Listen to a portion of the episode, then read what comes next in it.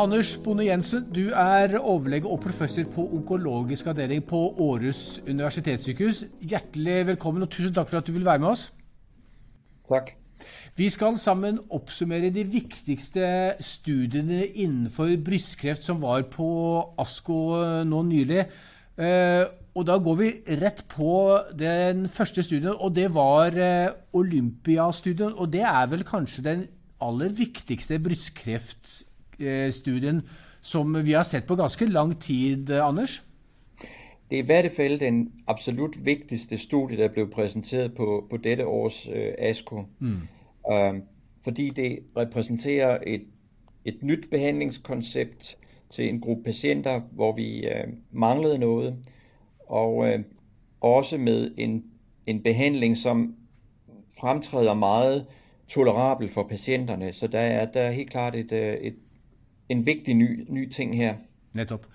For, dette var jo da en studie hvor man eh, undersøkte da eh, olaparib eller Lynparsa på pasienter i adjuvant setting, og det er jo spennende. Ja, det er det, og det der har været, der er, der er flere ting i det studie, som er, er meget spændende, tænker jeg. For det første, så er det jo et, øh, et, ret, et meget stort studie, øh, mm. som virkelig kommer ud med nogle øh, klare øh, signaler. Uh, man har inkluderet de patienter, som vi, om jeg så må sige, indtil nu stort set har betragtet som værende optimalt behandlet, det vil sige, at de har fået relevant kemoterapi, adjuverende, neoadjuverende, de har fået relevant strålebehandling, og dem, der var østrogenreceptor positive, fik også relevant endokrinbehandling. Og så tester man så, om yderligere behandling med olaparib i et år gør en forskel. Og der må vi jo sige, at, at de data, de præsenterer med en næsten 8% ændring eller forbedring i øh, det, der hedder invasive disease-free survival, altså tilbagefaldsrisikoen, er markant og noget af det øh, mest markante, vi har set længe. Mm. Er dette behandlingsendrende? Er dette så stærke data, mener du, at uh, uh, dette legitimerer at ta den adjuverende behandlingen her i bruk? Jeg tænker, at uh, det er i hvert fald noget, som, som er tæt på det, ja. Det synes jeg, det er. Mm. Uh, når man ser på, på data, dels studiets størrelse, de inkluderede patienter, så vil jeg sige, at uh, data ser rigtig fine ud. Hvis man skal være meget kritisk, kan man sige, at selvfølgelig ville vi have foretrukket, at der også var egentlig overall survival resultater. Ja. Mm. Øhm, de er der ikke endnu. Vi kan forvente, tror jeg, med de resultater, der er indtil nu, at de kommer. Øhm, den anden problematik er selvfølgelig, at der er tale om en, øh, en meget selekteret patientgruppe. Øhm, I den gruppe tænker jeg, at det her nærmer sig noget practice changing. Mm. Det, der så bliver det store spørgsmål, det er så, hvad skal vi stille op med de patientgrupper, der grænser op til i forhold til deres risikoprofil? Det er den ene problematik, som skal adresseres. Og den anden problematik, som øh, skal adresseres, er, hvordan får vi identificeret de her patienter? Fordi i hvert fald i Danmark har vi ikke en genetisk testning af alle vores brystkræftpatienter. Mm. Øhm, og det er jo i hvert fald en diskussion, vi er nødt til at tage nu. Skal vi teste, eller vi skal teste flere, end vi gør, men hvor mange skal alle testes? Kan vi udpege nogen øh, ved diagnosetidspunktet, hvor vi kan sige, jamen her er der, en, der kunne være en særlig risiko for, at de endte i den relevante gruppe, og de bør testes. Så der er nogle, øh, nogle uafklarede ting i forhold til, hvordan vi skal implementere det her øh, som, som kræver nogle overvejelser, men, men selve behandlingen synes jeg ser meget lovende ud. Mm. Og, og dette er jo en patientgruppe som er øh, vel omtrent 3-5% av alle brystkreftpasientene har en slik BRCA-mutasjon. Så det jo en, øh, og den er jo spesielt aggressiv, så det er jo i udgangspunktet en veldig lovende og god nyhed for pasienterne. Det er det jo, og, men, men og, altså, udfordringen i, i dagligdagen er selvfølgelig at få fundet de her 3-5 procent hmm. og få dem øh, identificeret. Og så må vi jo også sige, at udover at de var BRCA-muterede, så havde de også en væsentlig risikoparameter. Hmm. Øh, de af dem, der for eksempel var østrogenreceptor positive, de skulle have mere end fire, lymfeknude, fire eller flere lymfeknudemetastaser i armhulen. Så vi ved ikke, om et tilsvarende effekt vil være vil være der hos de patienter, som kommer med mindre tumorer, med mindre udbredt, selvom de er BRCA-muterede. Øh, og det er sådan, det er jo i hvert fald nogle af de udstående, vi har. Vi kan jo principielt kun udtaler som om den gruppe patienter, der svarer til dem, der var med i studiet. Mm. Ikke sant. Veldig interessant. Og vi ser jo på eh, også andre eh, brystkreftdiagnoser, ikke minst innenfor lungekreft, eh, hvor da adjuvant behandling eh, i, i, de tilfellene ofte med målrettet behandling og immunterapi kommer stadig sterkere. Og som du var inne på, Anders, eh, det tar jo lengre tid før du får overlevelsesdata når du går inn i de, akkurat disse typer pasienter. Og det er selvfølgelig en utfordring, for gullstandarden er jo selvfølgelig overlevelse. Ja, det, det er den jo, øh, øh, og man kan sige, at netop jo, jo mindre patientgrupper vi går ind i, jo sværere bliver det at øh, opnå sikre data, i hvert fald inden for en overskuelig tid. Og derfor kan man jo mm. godt argumentere for, synes jeg, at tage behandlinger i brug, men, men måske så med nogle forbehold, der hedder, at vi skal også være klar til at stoppe en behandling igen. Og det er jo sådan en af de mm. ting, som i hvert fald har været meget, meget vanskeligt, når man først har startet en behandling og taget den i brug og sagt, nu er det det, vi gør, så er det en kæmpe øh, udfordring at få sige, nu skal vi ikke længere gøre det, vi i forgårs mente var godt. Så mm. derfor er alle selvfølgelig bekymret for at få startet en behandling for tidligt, øh, men jeg mener, at vi, vi er tæt på, at vi er klar her. Mm. En veldig interessant studie som har vekt mye diskusjoner, og kommer sikkert til å fortsette å gjøre det, Anders. Skal vi gå over til en, en annen studie? Det, det, er en fase 2-studie med også en parpemer, eh, talosoparib, eller Talsenna fra Pfizer.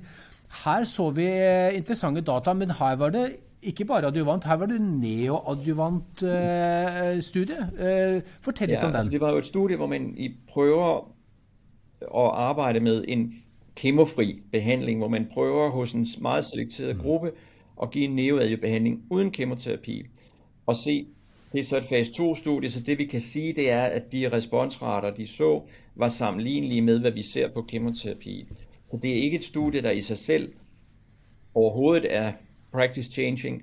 Det er et studie, der indikerer, at der, vil, der er en vej at gå i forhold til at videreudvikle på nogle behandlingsstrategier, som i langt højere grad retter sig med udelukkende brug af targeteret behandling. Vi har øh, tilsvarende, ser vi jo også studier i forhold til de her to positive, hvor man prøver at se, kan vi klare os uden kemoterapien. Alt andet lige vil det give en meget mere skånsom behandling. Og det mm. kan man, så man kan sige, at det her talazoparib-studie understøtter, at øh, parpimmerne har en plads i behandlingen af brystkræft. Øh, de kan noget. Øh, de er jo meget tyder på en væsentlig mere skånsom behandling. Så på den måde er der nogle klare fordele for patienterne. Det er ikke sikkert, at de i en del situationer virker bedre end kemoterapi, men alt andet lige ved det, er der, åbner der sig nogle mere skånsomme behandlinger. Det er jo også ganske væsentligt for vores patienter. Mm. Og I dette tilfellet, denne studien med Abemasekliv, så er det en ganske, som du sier, en, en tidlig studie. Altfor tidlig å trekke noen uh, eh, konklusjoner i og med at man går inn enda litt tidligere i ja. behandlingskjeden. Så, men, men eh, på mange måter er det ganske imponerende og dristig studie at man kan gå inn og, og tar eh, en parpemme så tidlig i behandlingskjeden. Klart, og, det, jeg vil si, det er jo et studie som gir mod på mer. Nettopp. Veldig spennende. Eh, vi skal gå over til eh, de to siste studiene vi skal snakke om, eh, Anders. Og det er eh, to kjente og, og, velkjente legemidler. Og her har vi eh, langtidsdata. Det er jo egentlig det som er det nye her. Da, da snakker vi om eh, to CDK4-6-hemmere. Det ene er Versenio eller Abamaciclib, eh, som reduserer risiko for tilbakefall. Har data for det. Kan du si litt om den studien? Ja, altså, det er jo et studie vi kjenner som bare bekrefter at jo længere, at med lengre tids observasjon så genfinder vi eh, eller bekrefter de de hidtidige resultater. Øhm, og det er, jo, det er jo altid rart at se det øhm, igen. Øh, I forhold til at man så klipper den opfølgning, så er det stadigvæk for tidligt at tage det med ind i den øh, adjuverende situation, men, men der tegner sig et mere og mere sikkert billede. Mm. Og det bestyrker, eh, som du sier, tidligere data at dette, har, dette legemiddelet har en langtidseffekt og, og er positiv å bruke ja, i så henseende. Vi skal da, Tilsvarende for Mona Lisa 3-studien med Kiskali eller Ribocyclib, eh, de hadde jo også da langtidsdata. Kan du si litt om den studien? Jamen, så er vi over i behandlingen av tilbagefall, hvor man jo må mm. sige, at vi i dag vil sige, at behandling med en kombination af et endokrin stof og en CDK4-6-hæmmer er vel standardbehandling. Øh, det man kan sige med de her, det studie, der blev præsenteret her, var jo, at vi nu har langtidsobservation, og der er to ting, jeg hæfter mig ved. Dels, at vi på trods af langtidsbehandling med de her CDK4-6-hæmmer ikke ser nogen nye øh, safety issues, det vil sige, at vi får ikke, det ser ikke ud til, at selv langtidseksponering for stofferne giver nogen problemer. Øh, om, og den anden del, det er, at der, den ret imponerende effekt, vi så tidligt, jamen den holder, og den kurverne faktisk separerer måske endda en lille smule mere herude på 5-6 øh, år.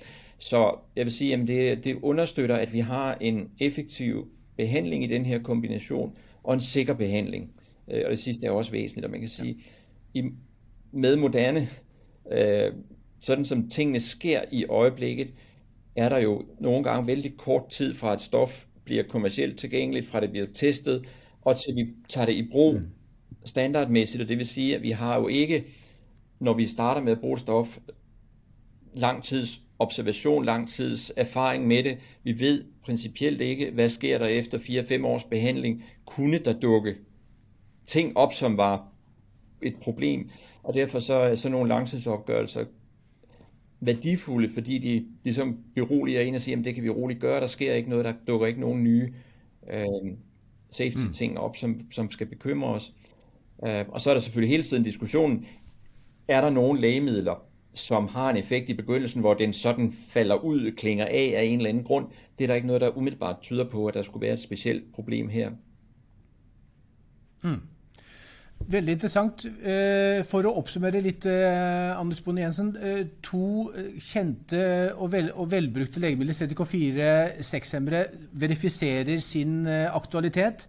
Så har vi to eh, nye anvendelser gjennom parpemmerne, som gjennom adjuvant og neoadjuvant eh, kanskje banker på døren eh, for å kunne bli brukt i en eh, eh, ganske nær fremtid. Når vi ser kanskje litt flere data. Jeg tenker at især den eller Olympia-studiet, som er et ganske overbevisende og jo et imponerende stort studie, mm. gør at vi er, vi er jeg synes vi, det er noget, vi alle sammen bliver nødt til at, at kigge nøje på og sige, at det ved at være tiden at implementere det som en standardbehandling, ja. Mm. Veldig interessant. Anders Bonde Jensen eh, fra Danmark, eh, tusen hjertelig takk for at du var med og oppsummerte ASKO innenfor brystkreft. Det var en fornøyelse. Hei. Tusen takk.